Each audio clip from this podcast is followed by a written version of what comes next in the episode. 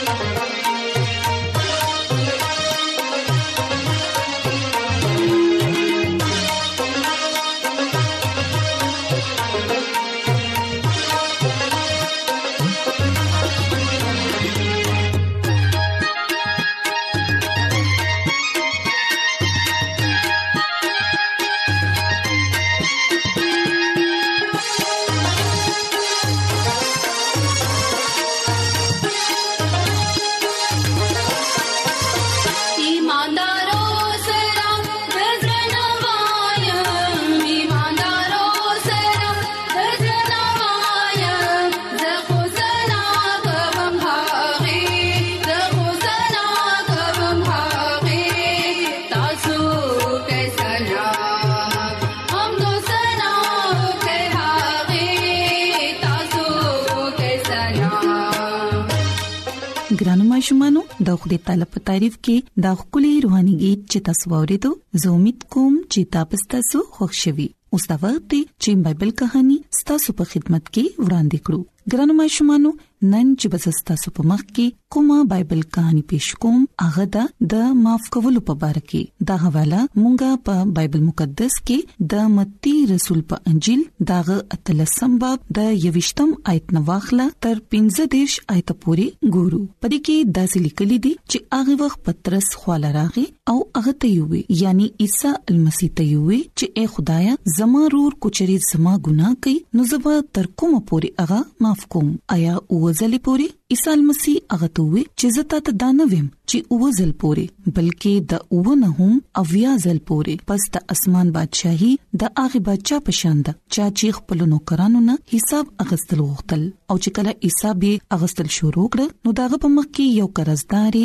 حاضر کړی شو په کوم باندې چې داغه لزره توړې وي خو ولې چې دا اغسره د ادا کولو لپاره سنو د دې لپاره داغه مالک حکم ورکړو چې دا او د خزه او بچي او چې هر څه د دې دي دا ټول د خرج کړی شي او قرض دی وصول کړی شي نو نو کر دغه پخپو کې پریوتو هغه ته یې سجده وکړه او وی ویل اے خدایا ته ما ته مهلت راکړه زبستا ټول قرض ادا کړم اغه نو کر مالک هغه باندې خپه شو هغه باندې رحم وکړو او هغه یې پرې خودو او دا ټول قرض یې هغه ته وبخلو خو ګران ماشومان موږ ګورو چې کله هغه نوکر بهر وته نو دا غسر چې کوم خلکو خدمت کولو هغه سره چې کم خلکو کار کولو پاغي کې یو کس هغه ته ملاو شو پچا باندې چې دا غسل دینار راتلل هغه هغه کس اونیولو دغه په مری یې زور کړو او وی ویل چې زما پتا باندې چې سرازي هغه ته ادا کړه نو د هغه هم خدمت دغه په مخ کې را پریوتو دغه مینه ته وکړو او ورته وي چې مالا مهلت راکړه مالا ته ټیم راکړه زبتا ته د ارس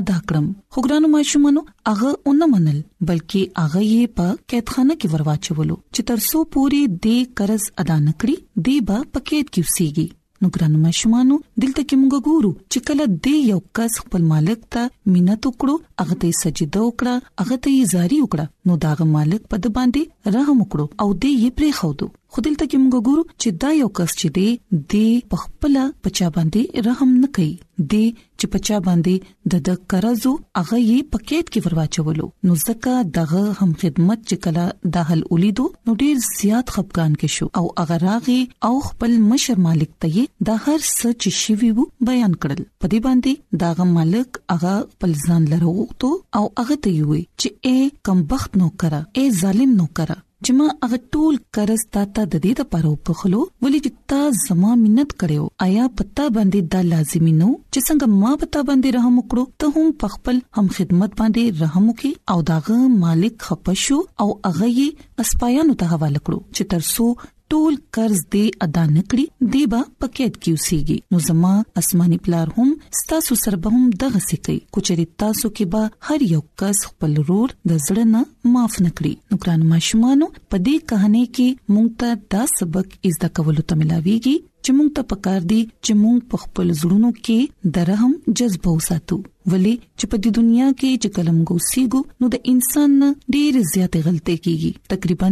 زمونږ ټول ورځ غلطي کیږي ټول ورځ مونږه داسې خبرې هم کو کومې چې د خدای تعالی نه دی خوخي مونږه کنزل وینا هم کو مونږ جنگ جګړې هم کو او مونږ یو بل ته بدرت هم وایو او په ډیرو خبرو کې مونږ ټوله ورځ درو هم وایو نو چې کله خدای تعالی زموږ دون غلطه زموږ دون ګناهونه معاف کړي نو بیا مونږ ته هم پکار دي چې مونږ د یو بل ګناه د یو بل غلطه معاف کو ولې چې خدای تعالی دا فرمایي چې زب په تاسو باندې علي رحم کوم چې کو تاسو زما په خلکو باندې رحم وکړي نو موږ ته دا پکار دي چې موږ د یو بل غلطي معاف کړو او په ځلونو کې چې زموږ د یو بل لپاره کوم حسد وي کوم نفرت وي هغه دې لری کړو ولې چې خدای تعالی دا خبري نه خوخي او چې کلمګه دا خبري د خپل ځړه نو باسو او د یو بل لپاره مينو ساتو نو یقینا بیا به زموږ لپاره یو بل معاف کول اسان شي ولی چې تر څو زموږ پزړونو کې حسد وي نفرت وي نو بیا موږ یو بل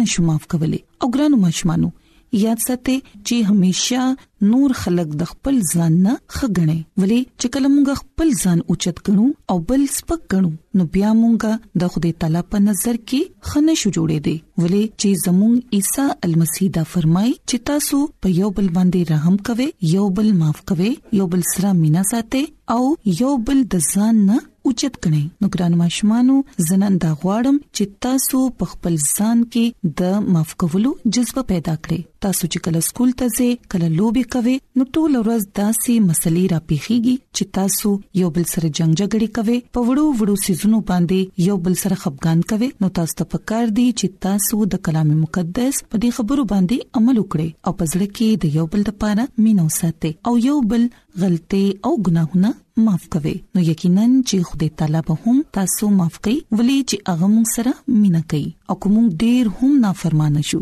ډیر هم ګناګار شو بیا هم هغه موږ سره مینا ساتي او موږ معاف کوي کچري موږ رښتونی زړه سره دا غنه معافي وغواړو نو هغه موږ معاف کوي نو زما د دعا ده چې خدای تعالی دې تاسو سره وي او تاسو ته دې د کلام مقدس په خبرو باندې د عمل کولو توفیق عطا کړي نو ګران ماشومانو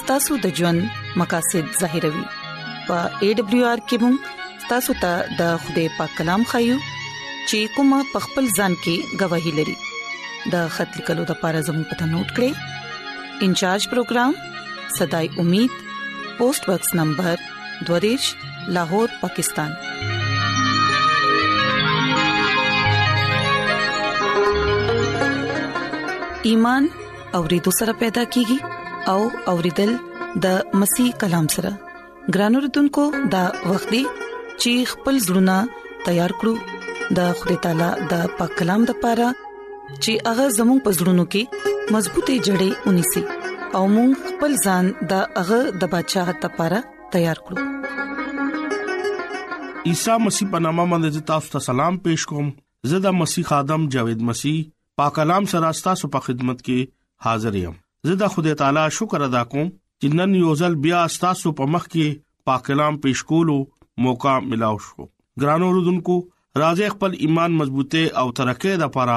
پاک کلام او نن د بایبل مقدس نه کوم خبره مونږه زده کو هغه د کتاب مقدس کې ژوند ګرانو رودونکو د یوحنا انجیل او دغه پنځم باب او یو کم سلوي قائد کې چکلا مونږه ګورو نو دلته لیکلي دي چې تما ولي کتاب مقدس کې لټه چې ته پويږي چې تا ته د هميشه ژوند ملاويږي نو زما گواہی ورکا پاک کلام ویلو باندې د خدای پاک برکت شي امين ګران اوردونکو دا بایبل مقدس عام کتاب نه دی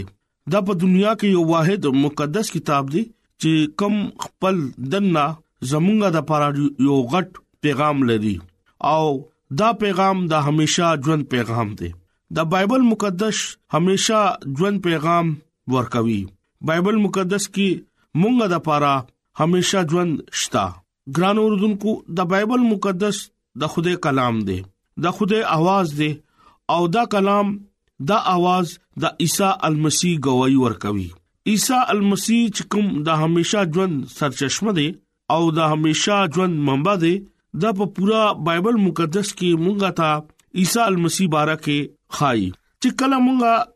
د خدای کلام لکه بایبل مقدس وای یا اورو یا پاغه باندې عمل کوو نو اکټه خدای مونږ ته د همیشا ژوند ورکوي ګرانو دونکو ډیر افسوس خبره ده دا چې ډیر خلک د بایبل مقدس ویلو نه خوخی دغه وجه دا ده چې اغي د همیش د ژوند نه ډیر زیات لري دي چې کوم خلک د بایبل مقدس وای نو اغه ته خدای ډیر زیات برکت او نجات هم ورکوي په بایبل مقدس کې همیشا ژوند هم شته همیشا ژوند صرف هغه ته ملاويږي چې کوم دا بایبل مقدس پزړه کې کوش کی او خپل د ژوند حصہ جوړ کړي دا بایبل مقدس هغه وای او دغه مطالعه کوي او خپل د ژوند حصہ جوړ کړي خپل ځباندې هغه مني او د خدای کلام مونږه ټولو د پاره د همیشا ژوند اګدي ګران اوردونکو دنیایي کتابونو کې تاسو همیشا ژوند اغستې نشئ دا په دنیا کې څومره کتابونه تاسو وګوره واحد دا کتاب دی چې په هغه کې اطمینان سکون برکت او تسلی او نجات ژوند ملاويږي بایبل مقدس مونږ ته همیشا دا وایي چې تاسو د خوده شکر وکړئ مونږه شکر کوو چې خدای مونږه له دا کتاب عطا کړی دی ګران اوردونکو بشک دا کتاب انساني لاسو خو لیکل دی او دا کتاب چې کوم خلکو لیکل دی او چې کوم خلکو قلم بند کړی دی دا ټول د خدای طرف نه خدای اغي سره په خوبونو په ذریعہ رویا په ذریعہ خپل خلکو ته خپل کلام نازل کولو او خدای خلق د خوده روح نه چې کله مامور شو او د خوده روح په مدد او رهنمایي باندې اغي د خوده کلام قلم بند کو ګران اوردونکو د دې لیکلي شوی کلام لکه بایبل مقدس مونږه ټولو د پاره د خوشخبری کلام شتا دا یو ژوندې امید پیغام لري او چې کوم عیسی مسیح باندې ایمان راوړي اغي هلاکی جنا اغا د همیشا ژوند اخلي ګران اوردونکو مونږه د دې کتاب مقدس لکه خدای کلام همیشا خپل مخي ته اخدو پکار دی ولی چې دا کتاب لکه خدای کلام زمونږه قدمونو د پاره دیوا او لارې د پاره رڼا ده ګران اوردونکو د خوده خادمه مس ایلن جی وایټ خپل کتاب د شفا چشمو صفه نمبر 302 کې دا خبره لیکي چې دا مکاشوا د خوده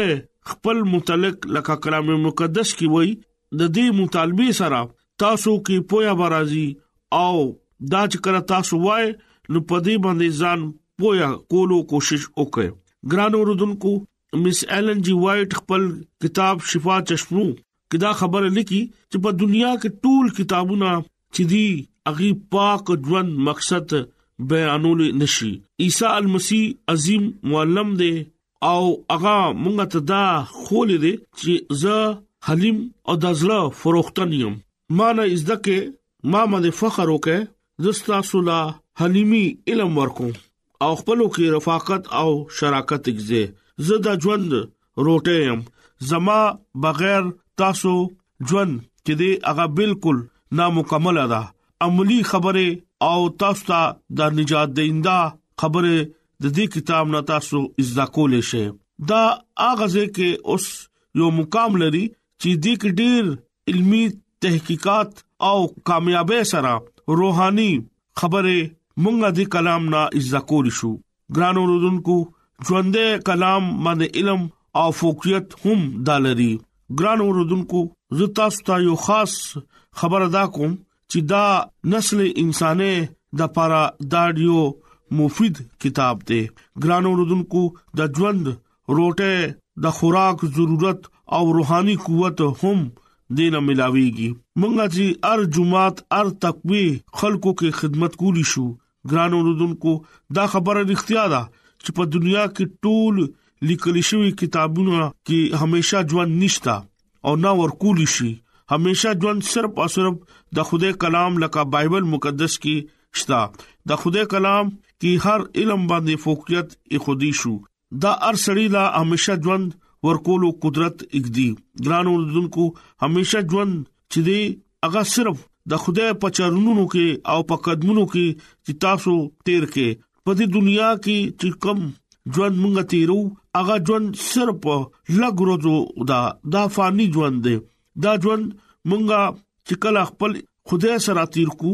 دغه په قدمونو کې دغه په حضور کې تیر کو او دا ژوند بیا هغه مونږ لا چې کم ژوند براکې هغه د کثرت ژوند بر ور کوي ګرانو رودونکو د خدای خادمه مس ایلن جی وایټ خپل کتاب چشمو شفا چشمو کې صفه نمبر 300 درې سوا سلور کم سلويخ او درې سوا